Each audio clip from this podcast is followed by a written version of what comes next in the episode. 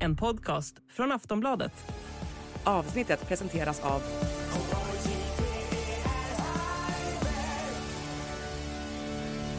Stödlinjen.se, åldersgräns 18 år. Hej och välkommen! Idag träffar vi David Bergman, major och doktor i psykologi och diskuterar hans bok Stridens psykologi.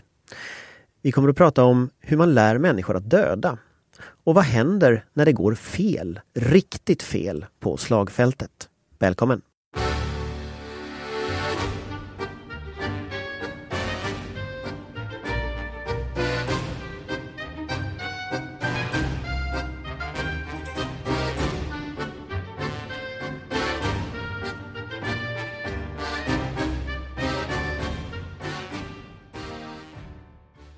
Ja, då sitter jag här med David Bergman, major och doktor i psykologi. Välkommen! Tack så mycket! Och du har skrivit en bok som med en ganska intressant titel. Det, det är Stridens psykologi om konsten att döda och att överleva. Stämmer bra. Och, och, det här känns ju, det är ju ganska långt från den vardag de flesta människor liksom lever i och verkar i. Vad har du själv för bakgrund? Jag är mång, eh, jag är dubbelhattad egentligen. Som det hörs i titeln. Jag är major i armén när vi sitter här. Så imorgon har jag spenderat 25 år i uniform. Jag har varit runt i världens olika hörn, bland annat i Bosnien och Afghanistan. Och växeltjänstgjort och varit på utbildning i andra länder. Eh, jag är också forskare. Jag har en magister och doktorsexamen i psykologi och en vidareutbildning i traumatologi. Och jag har ofta tittat väldigt mycket på varför människor reagerar som de gör i extrema situationer. Och jag verkar idag både som utbildare och som forskare inom de områdena. Du har ju själv bakgrund som veteran, mm. någonting du också skriver om i den här boken. Mm. Hur, hur, har det liksom påverkat ditt val av ämne och så här? Väldigt mycket. Alltså, det är ofta i de här extrema situationerna som människors absolut bästa sidor kommer fram. När människor kan prestera nästan hur mycket som helst för att skydda någonting som vi har kärt. Och man kan utstå nästan vilka umbäranden som helst. Men det är också ofta där som människors absolut grymmaste sidor kommer fram. När man kan gå över gränser och begå handlingar som vi inte trodde var möjliga. Och det som någonstans du och jag spenderar och observerar i en normal situation här, det är inte alls samma saker som kommer fram i den mer extrema kontexten. Och kontexten är väldigt påverkande hur människor fattar beslut helt enkelt. Så därför känner jag att det behövs en bok i de här ämnena helt enkelt. Vi är ofta väldigt förskonade i Sverige från krig och konflikt men just därför är det ofta svårt att förhålla sig till det. Ehm, jag får ofta den där frågan varför skriver man en bok om att döda människor? Det korta svaret är för att ingen annan gjorde det. Ehm, när jag... Nej, du tar ju upp det att ja. det finns ju litteratur från andra länder men det finns väldigt lite skrivet som är begripligt på mm. svenska. Mm. Ja, och jag själv började fundera över här efter, efter min tur i Afghanistan när vi hade varit i strider. Och och jag ska säga, jag hade ingen dålig utbildning där när jag mötte striden för första gången. Och jag ska också säga att jag, jag vill heller inte utmåla att jag var någon form av krigshjälte därifrån. Det, det finns så många kollegor som var med om så mycket värre situationer. Och när jag pratade med dem och våra funderingar så märkte vi att men det finns ingen riktigt bra litteratur för det här. Ehm, det, det har såklart funnits mycket skrivet inom psykologin men den fokuserar på det vardagliga oftast det, det, finns självklart mycket hjälteberättelser också skrivet från krig. Titta på, gå ner på Pocket Shop eller titta på Netflix så finns det väldigt mycket beskrivet från krig. Men inte varför vi reagerar som vi gör i extrema situationer. Och det ger inget riktigt tuggmotstånd när du börjar fundera eller filosofera över yrkets yttersta innebörd. Och många av de saker som fanns skrivna på andra språk de var inte särskilt bra märkte helt enkelt. Och då föddes tanken att ja, men vi behöver dels någonting i den utbildningen vi faktiskt har. Jag hade ingen liknande bok när jag gick igenom militärhögskolan eh, ett antal år sedan. Och det fanns också ett behov som vi nu ser att ja, men gemene man och även andra yrkesgrupper, poliser, präster, kustbevakare, eh, kriminalvårdare, en stor grupp människor arbetar i någon form av vardaglig kontext men möter ibland extrema situationer och då är det väldigt bra att ha en bok som förklarar hur vi reagerar i de situationerna. En bit in i texten så citerar du Friedrich Nietzsche. Mm. Och så skriver du att eh, den som slåss med monster bör se till att inte själv bli ett monster. Om du stirrar in i avgrunden stirrar avgrunden in i dig. Mm. Alltså hur utbildar man människor att döda andra människor? Ja. Och det korta och lite provocerande svaret är att det är inte särskilt svårt. Vi har ibland en tendens att på något överdramatisera det eller göra det svårare. Där människor har alltid dödat varandra. Jag ska säga när jag säger det, jag lägger ingen värdering i det. Jag tycker ingenting i det här fallet utan jag, jag sammanställer vad forskningen säger och för fram det. Och någonstans, vi har alltid på ett helt annat plan fascinerats av turneringar, skådespel, gladiatorspel, kampsportsturneringar, jakt och så vidare.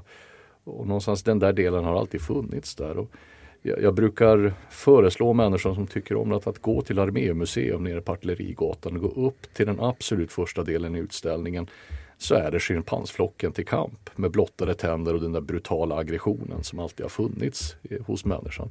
Kampen om revir, kampen om resurser, bara någon maktkamp mellan människor. Idag ser det inte ut så. Vi har gett en mantel av legitimitet och vi har ett våldsmonopol i samhället. Men våldet och hur det väl ser ut när vi brukar det, det är precis likadant då som... som... Det, det, är ju ena delen av Armémuseum du mm. berättar om nu. Den andra delen av samma rum, där är det ju en kärnvapen, eh, en ballistisk missil här för ja. att det är, som är kärnvapen som ju skulle bokstavligen utradera mänskligheten som vi känner det i ja. en större kärnvapenattack. Så det går ju från schimpanserna till någonting mycket värre ja, idag. Eh, alltså, om jag tänker på hur gör man? Om man tänker så här, David, så här, hur gör man för att utbilda någon och skjuta folk? Ja. Alltså det är ju alltså rent praktiskt. Hur går det till? Och det är inte särskilt svårt. Det, det finns tre centrala mekanismer som, är, är, eh, som man använder då. Det, det första är en distansering. Och enkelt uttryckt, ja, men ju längre bort någon är desto enklare är det att, att döda eller bruka våld mot den individen. Och begränsningen där, det är min mänskliga perception. Eh, någonstans, ju, närmare du är desto mer kan jag uppfatta dig som mänsklig. Jag kan se att du är en verklig person och framförallt jag kan uppfatta effekten om jag brukar våld mot dig, hur fruktansvärt ont du får av det. Men är du längre bort, kanske bara ett, ett, en figur i ett hårkors på ett, ett eh, kikarsikte, ja men då ser jag inte lika tydligt effekten av det. Den andra det är ju en avindividualisering och det, det plagget vi tar på oss heter ju uniform av en anledning. Jag blir en del i mängden helt enkelt. Och när vi tar på oss uniformen så både har vi ett disciplinärt syfte men också bygger vi upp en kollektiv identitet. Och den understryker ju också, vi använder ju efternamn, vi använder soldatnummer och vi använder titlar just inte på grund av fåfänga utan för att understryka att det jag gör i den här kontexten, det löjtnant Bergman gjorde i Bosnien och det privatpersonen David gör i hemmet, det är två helt olika saker. Här gäller andra regler. Och den sista delen, det är en avhumanisering av motståndaren. Och där använder ju dels figurer. Eh, vi, vi, skjuter inte på riktiga människor när vi övar. Vi skjuter på ganska elaka och ganska grovhuggna figurer. Just för att, att öva in att det vi brukar våld, det här är inte att döda människor, det här är att nedkämpa och att, att helt enkelt verka i strid.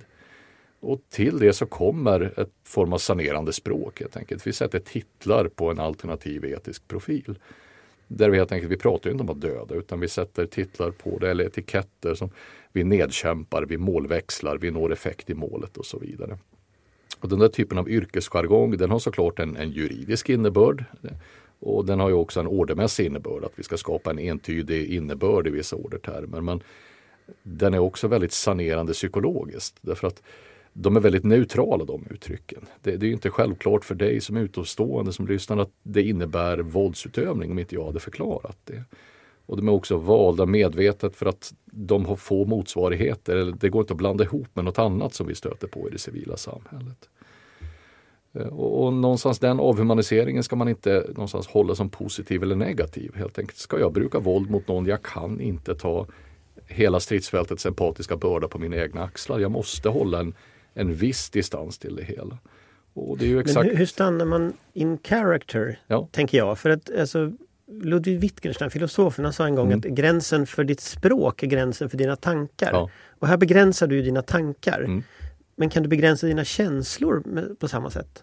De följer efter oftast. Och som jag sa, man, man ska aldrig vara likgiltig. Det är inte det vi vill åt. Vi vill fortfarande att människor ska ha en en bra grundläggande etisk moral. För alla du kommer att möta på slagfältet är ju inte fiender. Och, och, när de väl har gett upp ska de behandlas humant. Så vi vill fortfarande att du ska kunna växla mellan det. Och man, man pratar inte om att vi är en, att vi på något sätt förändrar den etiska grund vi har. Vi pratar snarare om att vi introducerar en parallell moralisk struktur. Och enkelt uttryckt att döda är fortfarande fel men att nedkämpa en fiende är något som förväntas av dig.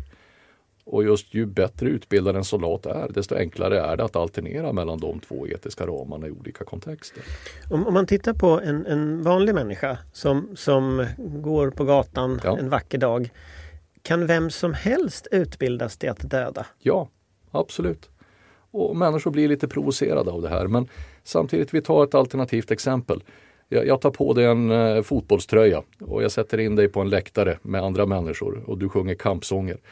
Den lagtröjan är ju en uniform om någonting och du ställs in i ett kollektiv där du sänker känslan av individuellt ansvar, du ökar känslan av kollektivt handlande.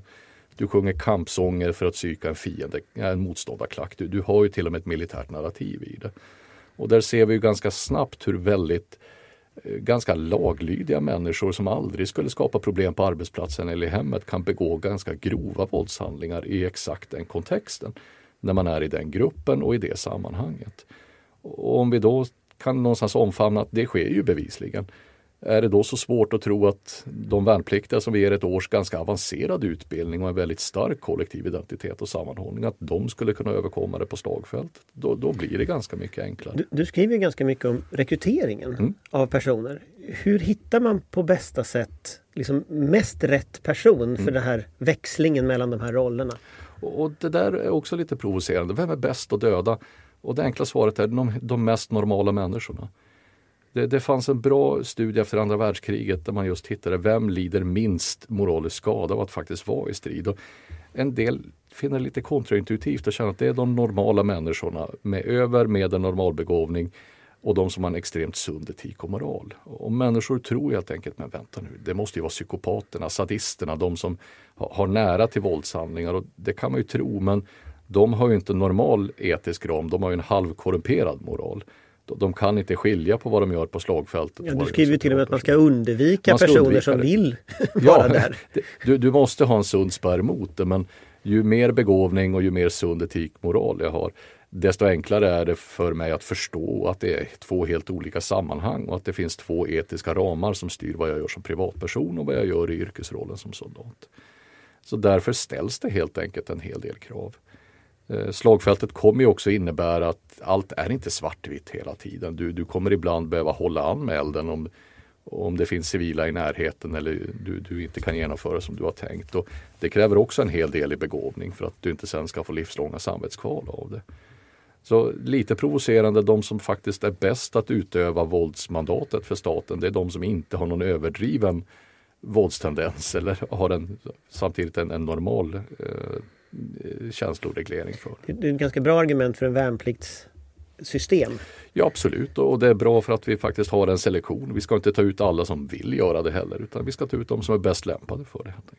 Du beskriver ju hur Sverige har hanterat den här typen av frågeställningar mm. Eh, genom åren och så beskriver du att finska vinterkriget var viktigt liksom i också Sverige lärde sig mm. hur man ska göra. Kan du berätta lite om hur man har resonerat kring det här historiskt? Du menar som land hur vi har resonerat? Ja, och svenska försvarsmakten, hur man ja. har hanterat de här frågeställningarna. För Nej, du men... teoretiserar ju väldigt mycket nu Nej, någonting som lite, skulle jag säga, min, min, min erfarenhet från militären ligger som 30 mm. år tillbaka i tiden, lumpen i Boden. Men det, det, är liksom, du teoretiserar ju om någonting som i alla fall inte jag minns att man mm. pratade överhuvudtaget om. Det är inte lika mycket och det du är inne på, vi har ju inte alltid haft de här erfarenheterna. Vet vi att det är så här? Nej, vi har inte varit i, i, krig som land på det här sättet. Och de mest influerande delarna det kom från andra världskriget. När man märkte också att sättet man förde krig på då, det här kaserngårdsmekaniska och slåss på slutna led och att vi har en, den där klassiska bilden av en militär som tyranniskt skriker order som underlydande mekaniskt måste lyda. Det är inte så man kan vinna krig helt enkelt. Utan man såg redan där att människor behövde en ganska stor autonomi. Man behövde förstå sammanhang och, och strider nu i modern tid de sker med sån hastighet att ner till lägsta soldatnivå måste man kunna anpassa sig och, och framförallt hitta nya sätt att lösa striden och man måste vara i synk med övriga. Och det gjorde just att efter andra världskriget så tog vi in mycket i våra egna manualer just från finska vinterkriget och andra delar. Och motsvarande efter Israels krig 67 och 73. Därför att man, man behöver såklart inte värdera det politiskt på något sätt men Israel har också varit väldigt duktiga på militärpsykologi. Alltså de, de, de har alltid varit en nation som vet att vi kämpar i underläge och de har, haft väldigt bra forskning för att vad vi än gör måste vi maximera varje individs möjlighet att kunna verka i extrema situationer. Och det har gjort att många av de erfarenheterna har förts med även till Sverige. helt enkelt. Så, så om man tittar på kunskapsläget just nu. Mm. Eh, alltså ko kommer det från de erfarenheterna från andra krig? Alltså hur står det? Både och skulle jag till säga. exempel svenska soldater har ju varit ute, som du själv har varit ute i. Det har vi. Senast nu Mali, Ja. kom tillbaka nu här. Och, och där har vi nu, vi, vi har ju haft det vi kallar lite, lite sarkastiskt den, den, den eviga fredens tid. Men det har det ju inte varit helt och hållet. Det har varit fred på hemmaplan tror vi. Men svenska soldater har varit ute i relativt eh, hårda strider. Och någonstans Afghanistan är ett exempel men Bosnien på 90-talet det var ju ingen en lek. Det, det var ganska kärva situationer där också.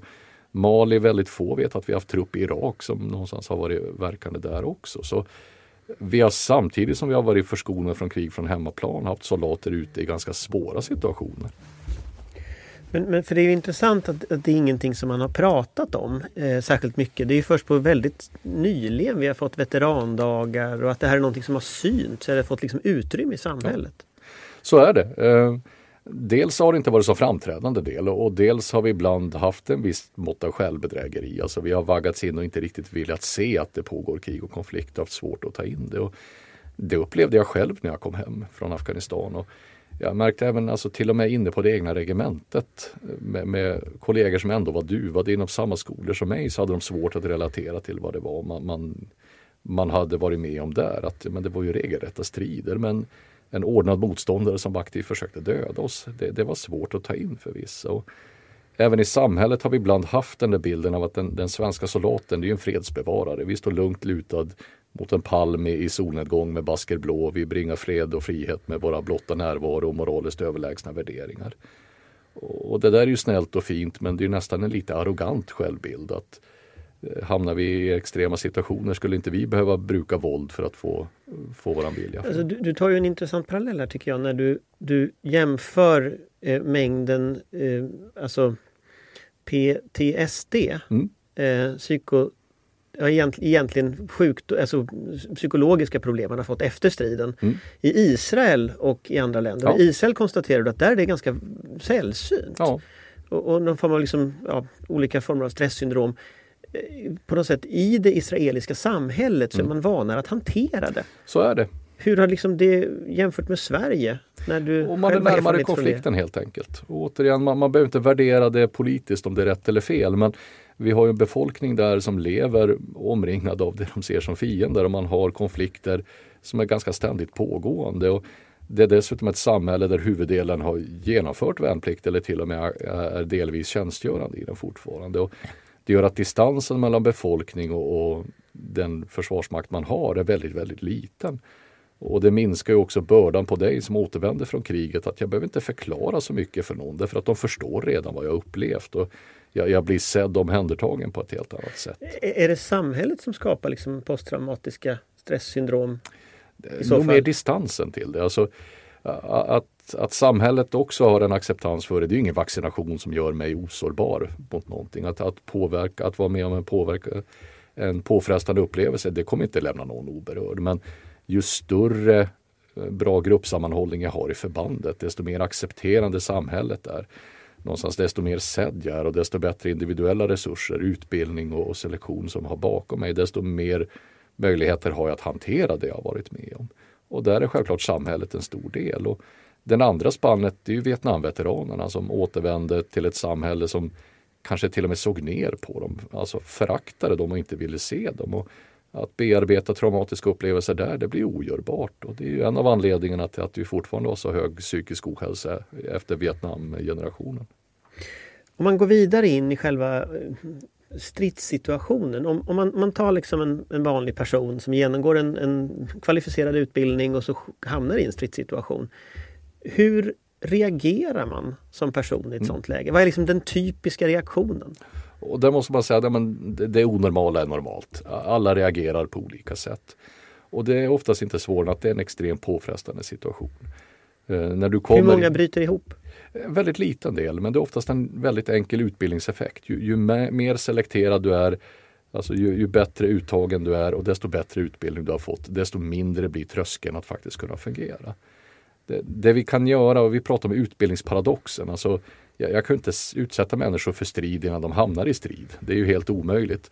Jag, jag, kan inte ha on the job training som jag har i andra yrken här helt enkelt. Utan vi får simulera strid så realistiskt vi kan inom etiska gränser. Men det är ju att det finns ju alltid den där lilla pucken kvar när jag väl möter den. Men ju bättre utbildad jag är desto mindre är den pucken. Och när man väl har kommit över den tröskeln så tenderar de absolut flesta att kunna fungera ganska väl även i extrema situationer.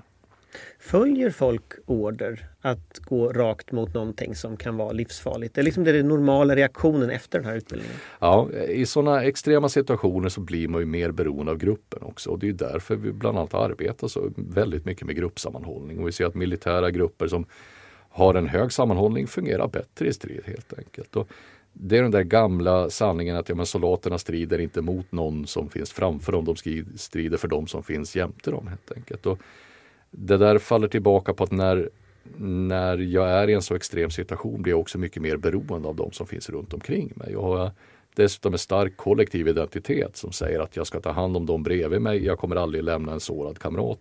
Då blir jag också mycket mer benägen att faktiskt foga mig i gruppen men också ta hand om de som finns runt omkring.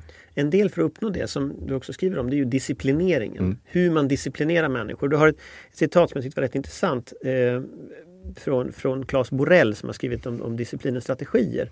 Han säger när hans kropp dresserades att stå i vakt gällde det även hans själ. Ja. Det är ett ganska finurligt uttryck. Alltså dresserar man människors själ? Ja. Är det så man tänker på det? Liksom? Du, du disciplinerar människor och disciplin brukar definieras att du kan inordna det under det gemensamma ansvarets krav. Det vill säga, det är ju fortfarande, det är den, fortfarande arketypen av den mest kollektivistiska organisation vi har den här myten om den ensamma krigaren som Rambo, ja men den finns ju inte i verkligheten utan allting genomförs som kollektiv och alla har sin plats i det. Det finns inga onödiga befattningar i en militär organisation för då hade de rationaliserats bort helt enkelt. Alla har en väldigt tydlig roll och du har en gemensam identitet i det. Och den disciplineringen, alltså en del jämför den med hjärntvätt eller med, med sekter, ja det finns vissa likheter i de psykologiska mekanismerna. Skillnaden är väl snarare att vi har en, en extrem statlig legitimitet i det vi gör och vi har ett väldigt tydligt syfte för det. Men, men vad skiljer, du, du skriver så här ordning i skåpet, ordning i skogen. Mm. Alltså, vad skiljer det från liksom Jehovas vittnen egentligen? Om, ja, du tar liksom, om du tar ett konkret exempel. Ett syfte också. Så, alltså, det som skiljer absolut mest, varför måste vi ha så stark disciplin i i militära förband? Ja, det är helt enkelt för att risken med misslyckande, det är ju, eller konsekvensen av misslyckande är att jag kan skadas eller dödas. Eller att jag kan riskera Nej, men jag menar metodologiskt, hur du skapar liksom situationer. Ja, det skiljer inte mycket alls. För Jehovas vittnen är ju ofta väldigt välklädda och det är ordning och reda. På... det är ordning och reda. Och, ja, men titta på mc-gäng, de har ju militära uniformer och, och väldigt många sådana såna högerextrema organisationer har också en militär struktur. Alltså, många tar ju efter den gamla arketypa disciplinära strukturen som finns i det militära och även industrin har i viss mån tagit efter det. När man kom in i industrialiseringen tittade man hur kan man få igång löpande bandprinciper och tittade på Napoleon och Clausewitz. Hur, hur ska man disciplinera och få en så stor mängd fabriksarbetare att arbeta som en entitet helt enkelt. Så någonstans det militära systemet har alltid varit grunden för, för andra att efterapa helt enkelt. Om man, man går vidare i den tankegången eh, och så tittar man på just hur man skapar en grupp så beskriver du i boken ett experiment från Solomon Ash, eh, konformitetsexperimentet. Mm. Alltså hur gör man människor, eller hur reagerar egentligen människor i processen när de blir en grupp? Mm. Vad gör de? Kan du berätta lite om det? Nej men självklart, det, det, man först måste inse att ja, men det krävs väldigt lite för att vi ska definieras som en grupp och det brukar man kalla för det minimala gruppparadigmet. Att det, det gäller, räcker ibland med, med experimenten att man delar in folk i blå, blåögda och brunögda så börjar vi i någon mån att identifiera oss själva. Och när vi sen får en utbildning som vi gör här, ja men då lägger du på en viss kollektiv identitet på det. Att du börjar faktiskt ta den gruppens värderingar som sina egna. Och lägger du sen på en, en sorts umbäranden till varandra där vi knyter an också. Ja, men där jag är beroende av dig och du av mig. Ja, men då finns det nästan ingen gräns för hur mycket vi kan göra för att offra oss för varandra. Men det får ju också med sig till det experimentet du nämner att ju, ju mer trygg jag är desto svårare blir det ibland också att vara en Vad var själva experimentet? Vad var de gjorde? Experimentet var att man skulle titta att hur benägna är människor att faktiskt foga sig i gruppen eller våga vara en röst i opposition. Och Man satte tre människor på rad och de två första var en del av experimentet och det visste inte den tredje människan. Och man vart ombedd att faktiskt titta på tre linjer och sen vart man visad en annan linje och sa vilken av de här är lika lång som den förstnämnda. Och det var så pass jättetydligt att det såg man direkt att det är alternativ B som är det rätta. Men de som ingick i experimentet svarade medvetet felaktigt att vi ser att det är linje A självklart och du tittade på dem underligt men det kan ju inte stämma. Men nästa person har också sagt, jo men det är ju linje A, det ser ju vem som helst och jag tvekar ännu mer. Det vad man ville se var att jo, men efter den här primingen så att säga, kommer du att ge ett medvetet felaktigt svar för att inte sticka ut i gruppen eller vågar du vara rösten i opposition som ger det rätta svaret? Och det jag såg var att ja, men de absolut flesta ger ett medvetet felaktigt svar för att inte sticka ut ur gruppen. Men om man översätter det på en militär situation. Mm. Du kommer ju medvetet att göra det trots att du uppfattar att det är fel. Ja. Och det är ju en otrolig fara i ja. det kan jag tänka. Och det, där, det finns både en välsignelse och förbannelse i den starka gruppsammanhållningen. Men man ser återigen att när förband fortsätter att strida, även om det är till synes hopplösa odds, så är det oftast för att man har en oerhört stark gruppsammanhållning. Och någonstans för att jag fortfarande bryr mig om människorna och jag vill inte svika dem. Det, det är så pass enkelt, det ser vi rakt igenom. Samtidigt, det kan ju vara en sån kraft som gör att man faktiskt inte kommer till rätta med eh, när det är rena problemfall helt enkelt. Att det blir svårare att vara en röst i opposition. Och det är därför det också är väldigt viktigt att arbeta med ett öppet klimat i sådana organisationer. Ja, vi ska ha en disciplin, men vi ska också ha ett så öppet klimat att jag ska ha den höga integriteten och till och med förväntas att våga vara en röst i opposition och säga, men hörni grabbar och tjejer, det här är inte sunt, det här ställer jag inte upp på. Och det är också en sån anledning att vi fortfarande har väldigt mycket etikutbildning under officersutbildningarna för att någonstans man ska vara medveten om de oerhört starka krafter som påverkar i sådana här grupper. Du, du, säger senare i texten så, så börjar du borra lite just det här med mörkret. Mm. Du skriver en mening som jag tycker är väldigt fascinerande i boken här. Handlingen att döda kan vara en intensiv upplevelse som kan ge njutning även för normala människor. Mm. Utveckla. Och det där låter ju jätteprovocerande. Lite grann. Det är lite grann. Samtidigt, men, men om vi funderar på det men det har alltid fascinerat människor och någonstans det har alltid funnits turneringar, gladiatorspel och någonstans den som har stått i en kampsportsring någon gång och, och sett en motståndare där de normala reglerna inte längre gäller eller den som haft ett djur i hårkorset på, på ett jaktvapen har nog känt någon form av upprymdhet återigen, jag, jag lägger ingen värdering i det men det finns så pass många återberättelser från så olika delar där fullt normala människor som är uttagna och någonstans har en kvalitetsstämpel även upplever att jag upplever en upprymdhet i det hela. Det enklaste sättet att förstå det där är att människan är inte så enkel i det hela. Vi har ofta känslor i konflikt med varandra. Och den bästa forskningen där den är israelisk där man just pekar på att men, människor upplever oftast väldigt många känslor i konflikt med varandra i sådana här situationer. Och, och, det, kan vara väldigt, det kan vara väldigt sant att jag upplever en, en skam eller en skuld att jag har tagit någon annans liv. Men samtidigt, jag har ju uppfyllt min roll som soldat. Det finns ju en existentiell och en instrumentell logik i det här. Jag, jag förväntas ju verka i strid och andra är beroende av att jag faktiskt lyckas göra det. Och det är ju det yttersta måttet som man faktiskt har duvats till. Och att i viss mån känna en upprymdhet att jag faktiskt klarade måttet. Det, det är inte särskilt konstigt. Så när man ser den här typen av berättelser, folk som har varit i, i avgränsade situationer, så är det oftast just känslor i konflikt med varandra. Jag, jag, kan känna att det var påfrestande, jag kan känna en skuld. Jag kan också känna en upprymdhet eller till och med glädje. Och samtidigt ovanpå det nästan den här djupa rädslan. Men herregud, vad skulle de, få, de runt omkring mig tro om de fick reda på att jag någon mån hade någon skuldmedveten njutning att verka på det här slagfältet. Alltså, du beskriver till och med hur folk som har varit i strid Normandie tar det som exempel. Mm. Och, och, att efteråt så känner de en saknad ja. över den situationen. Ja. Och det faller tillbaka på den där paradoxen att ja, men soldater oftast älskar och hatar strid. Det kan vara den mest fruktansvärda upplevelsen som de har varit med om. Samtidigt, det var en sån tydlig roll där man faktiskt betydde någonting. Där man hade en så tydlig roll och min insats var så pass avgörande för hur det skulle gå. Att och den typen av meningsfullhet, att det är så svart eller vitt, att jag faktiskt kan prestera och göra någonting, den är relativt ovanlig för många i det vardagliga livet. Där man kan flytta papper. Så det är sökandet efter mening som gör detta? Och Sebastian Junger han går, ju, han går ju så långt som att säga att när veteraner ibland saknar kriget kan det vara en väldigt sund reaktion på meningslösheten hemma. Och någonstans, det ska inte tolkas dystopiskt utan snarare som att ja, men det kan vara bra att, att försöka i vardagen finna någon liknande form av mening med vad man gör.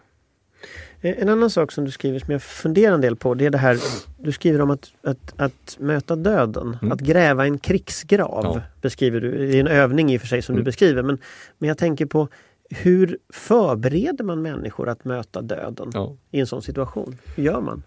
Det, man kan såklart aldrig förbereda sig för det men vi har ju i Sverige ett, ett ganska distanserat sätt till det. För hundra år sedan så dog ju människor hemma, man sveptes hemma, förvarades hemma. Men nu för tiden så dör vi långt bort i korridorer, ganska sterilt målade bakom stängda dörrar. Och de flesta har inte varit på en, en begravning med en öppen kista. Och det kommer ju människor till polisutbildningen och officersutbildningen utan att nödvändigtvis ha sett en död person. Och det är ju såklart något positivt men det gör oss ju mer handlingsförlamade och det gör tröskeln högre när vi ofrånkomligen kommer att möta det.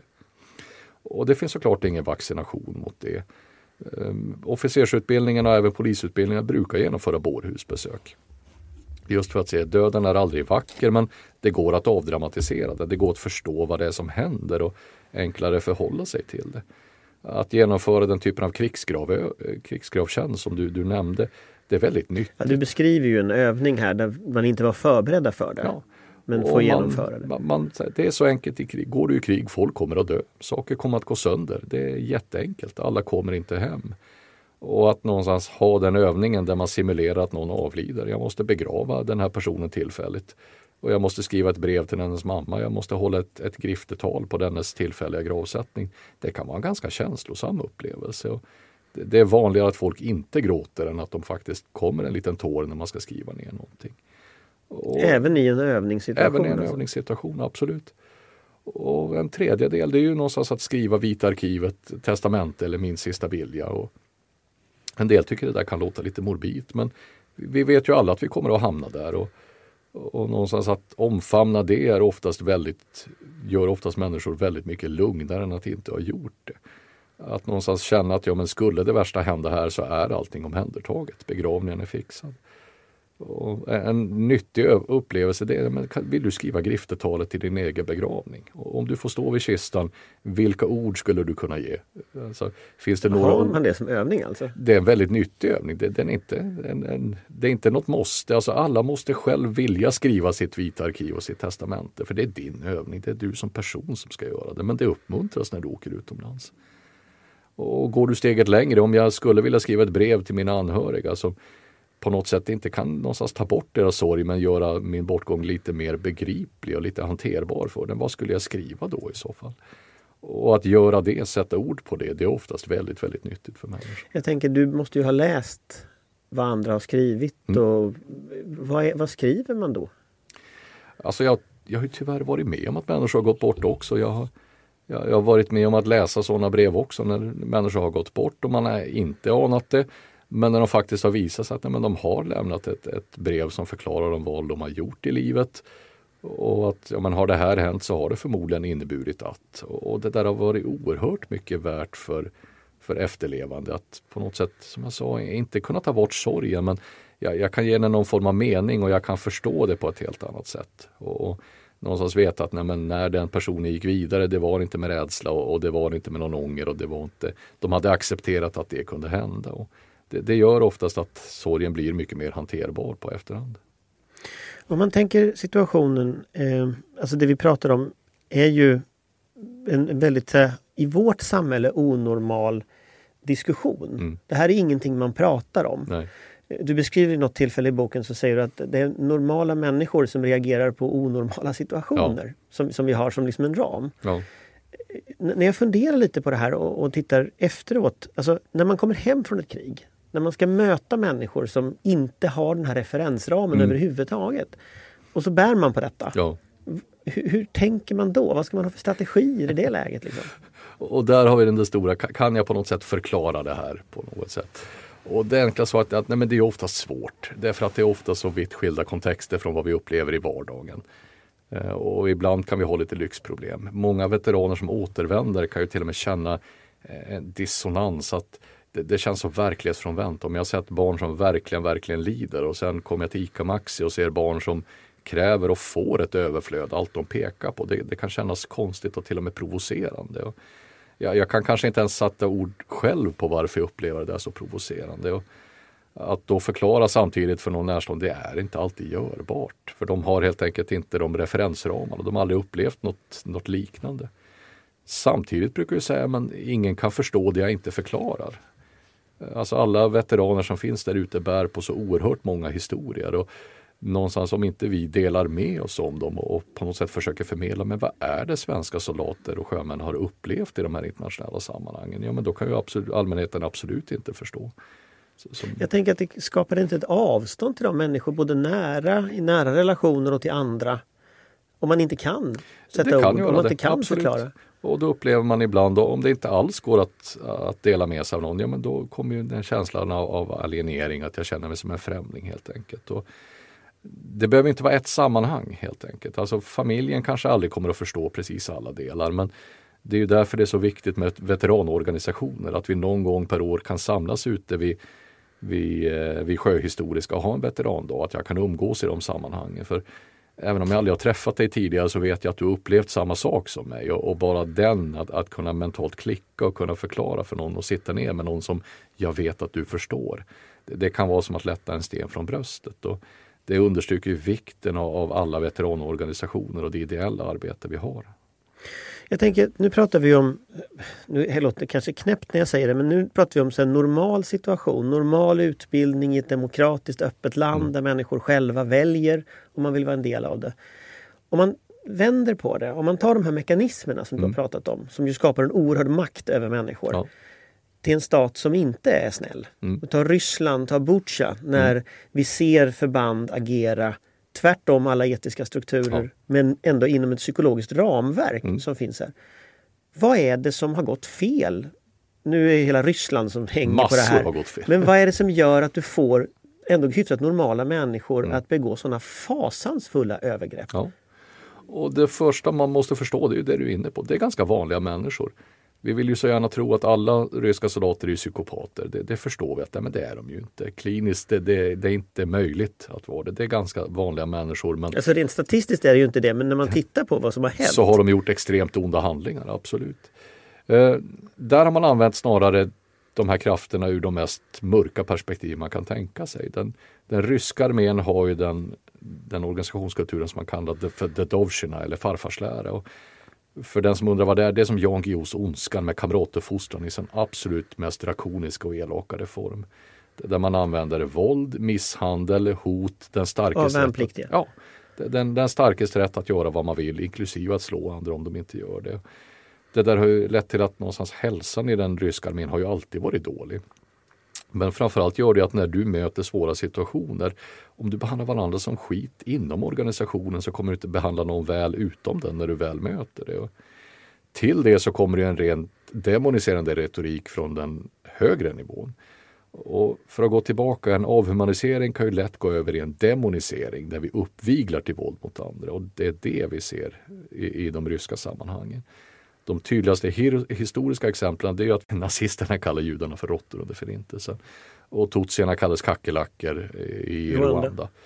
Och det där, det är ohyra som jag ju, det är inte bara okej okay att döda en kackerlacka. Jag är ju världen bättre om jag tar bort den. Och det är den typen av demoniserande retorik som oftast uppviglar till det. Och det Putin pratar om att avnazifiera Ukraina, det är inte bara att, att avsätta en president. Det låter ju löjligt. Hur kan man avnazifiera ett land med en judisk president? Men Samtidigt han pratar om det att utplåna den, hela den identiteten. Att någonstans bestraffa alla kollaboratörer. Det är en extremt demoniserande retorik. Men om man tänker, för jag är nyfiken just det psykologiska här. För mm. du, alltså, det är ju ett folkmord ja. som, som, som man genomför på det här sättet med den här retoriken. Ja.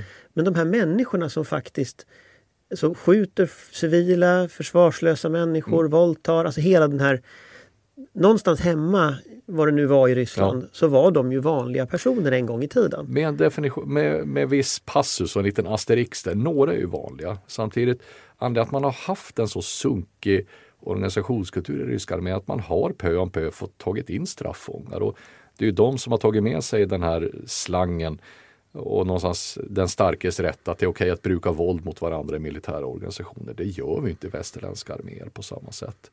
Och vi ser ju nu också att ja, men har du inte samma selektion, är det inte bra virke så kommer inte de att bete sig som gentlemän på slagfältet heller. Utan snarare då, då degenereras de till barbarer. Och har du ett dåligt grundurval, har du en dålig organisationskultur och har du på strategisk nivå en hatisk retorik, ja, men då har du det receptet för folkmord. Och då, då ser vi att den ryska armén gång på gång, inte bara i Ukraina utan Georgien, Tjetjenien, genomför systematiska krigsbrott. Men, men, det här är ju en kritik. Jag har sett eh, massa så ukrainska filmer i sociala medier där de har så bilder från andra världskriget där ryska soldater stjäl saker. Mm. Och så har de bilder från idag där de stjäl typ mm. lite mer moderna saker men det är som samma ja. grej. Det är ändå 70 år som skiljer. Ja. Alltså Ryssland måste ju vara medveten om att det här är en del av sättet de för krig. Till del, men de har alltid haft en människosyn som inte riktigt bryr sig särskilt mycket ärligt talat man har gjort vissa försök och vi hade ju ett antal demokratiseringsförsöksår på slutet av 90-talet och 00-talet när man faktiskt försökte komma till rätta med det här. Därför att ingen militär chef vill väl ha sköga, hö, skyhöga antal självmord på det egna förbandet. Det, det, kan vi förstå, inte ens ryssarna. Men man märkte ju där att, att försöka ändra en sån organisationskultur när den väl är så rotad, så institutionaliserad som man brukar kalla det, det är extremt svårt. Det går nästan inte utan att lägga ner och helt bygga om en helt ny organisation. Och när man dessutom förstärker det här när, när man, det är det enda man känner till och, högre chefer någonstans inte vill ta ansvar och säga men äsch, det var ju så jag själv utbildade så jag tog väl ingen skada av det. Då har vi den där gamla analogin att jo, men jag fick en lavett av min far när jag var liten och det gjorde ingen skada på mig. Fast på en mycket, mycket högre nivå. Så jag tänker man har gjort försök men det har inte gått att förändra. Alltså du pratar också om det här på en psykologisk nivå. Du använder begreppet ondska vilket är intressant. Mm. Eh, Lucifer-effekten pratar ja. du om. Alltså, är det ondska? Man brukar prata om onda handlingar. Just för att nej, men ondska, som, ibland vill vi se ondska som någon entitet, ett mörker som glider in. Lucifer känns ju spontant som och, och, det är just det, djävulen besätter någon. Och det andra är att ja, men vi vill gärna se det som att det är individer, det är psykopater helt enkelt. Men just på grund av att ja, men väldigt goda människor kan genomföra extremt onda handlingar om du hamnar i fel social kontext och i fel sammanhang.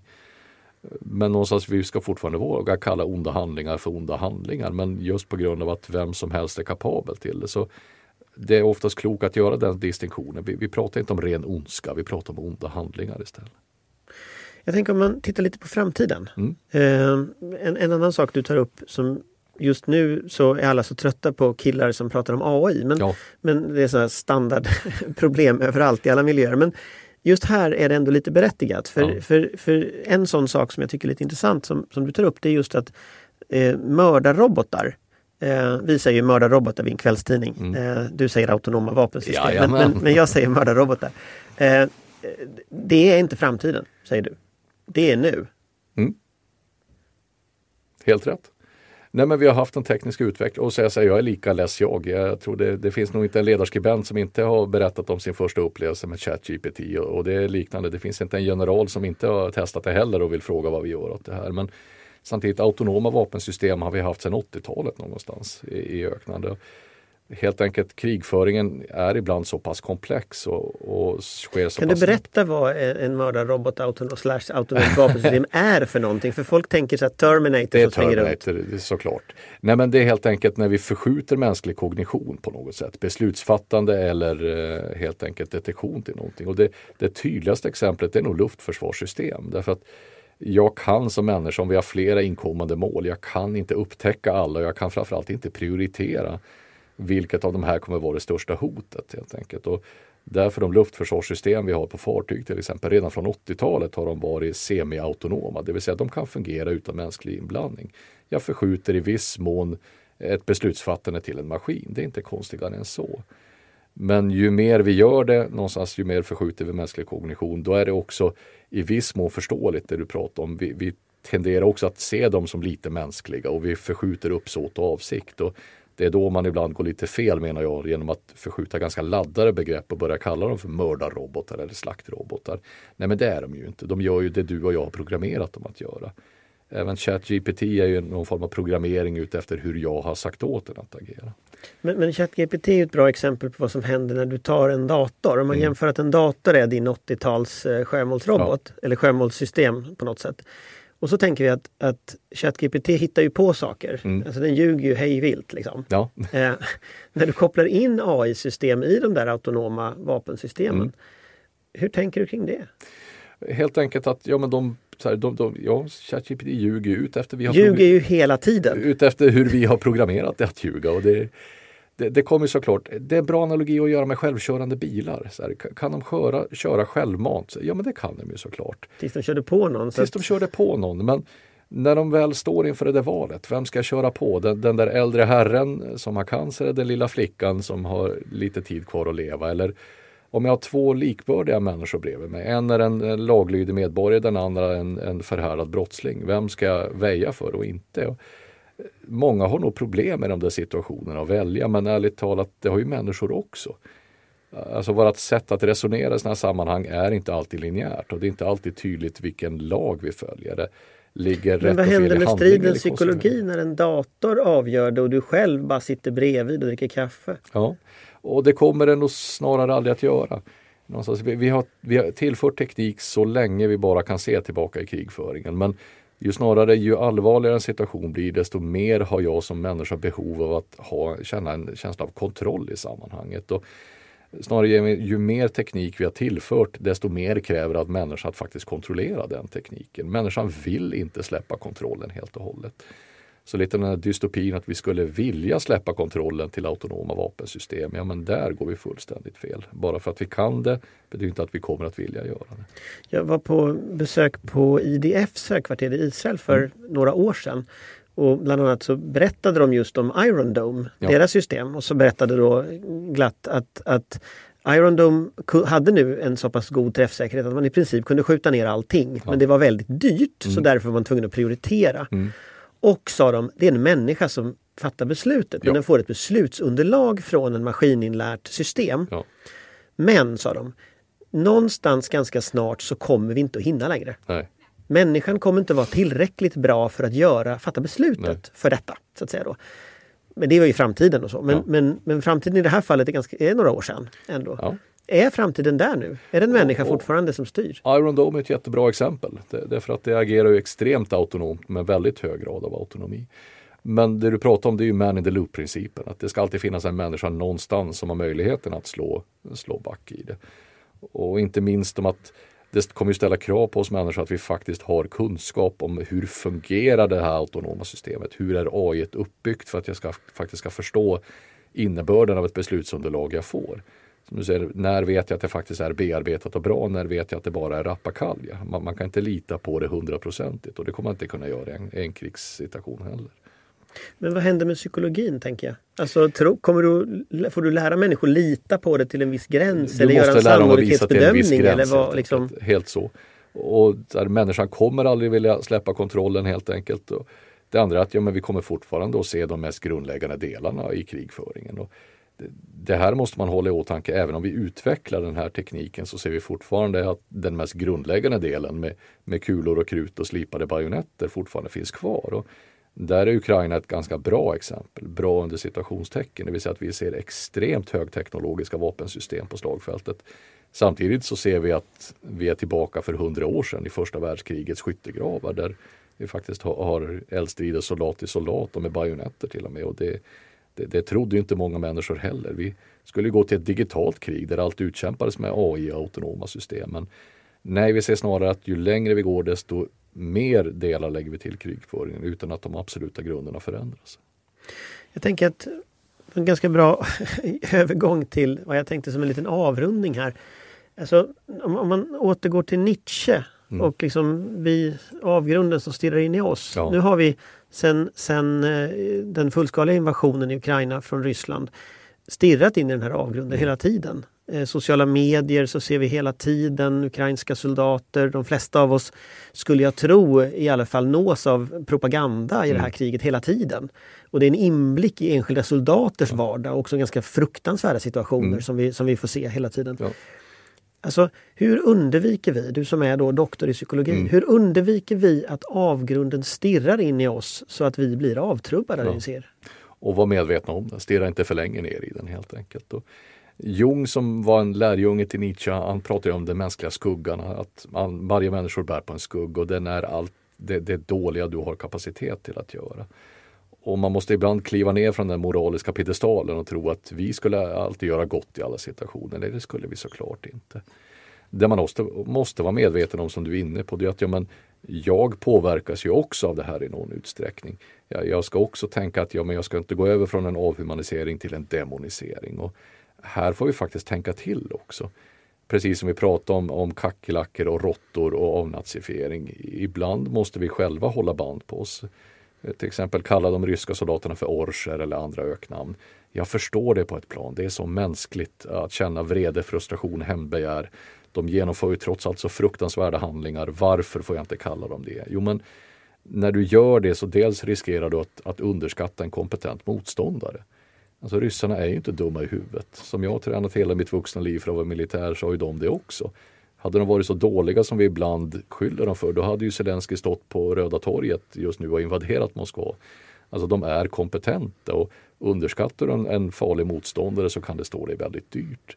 Det andra är ju att vi någonstans själva börjar genomföra onda handlingar och att gå över gränsen. Och finns det någonting som just nu skulle kunna splittra den, den västliga enigheten för att stödja Ukraina så är det att Ukraina också börjar genomföra riktigt, riktigt onda handlingar eller bestraffa den ryska befolkningen på samma sätt som de ryska soldaterna begått övergrepp i Ukraina.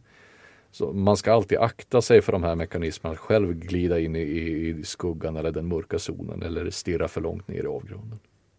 Tack så jättemycket för att du kom hit. Tack så mycket.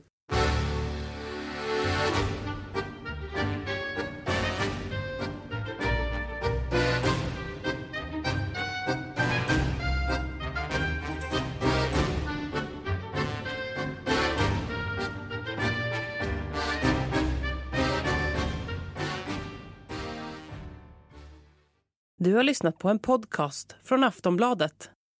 Ansvarig utgivare är Lena K Samuelsson.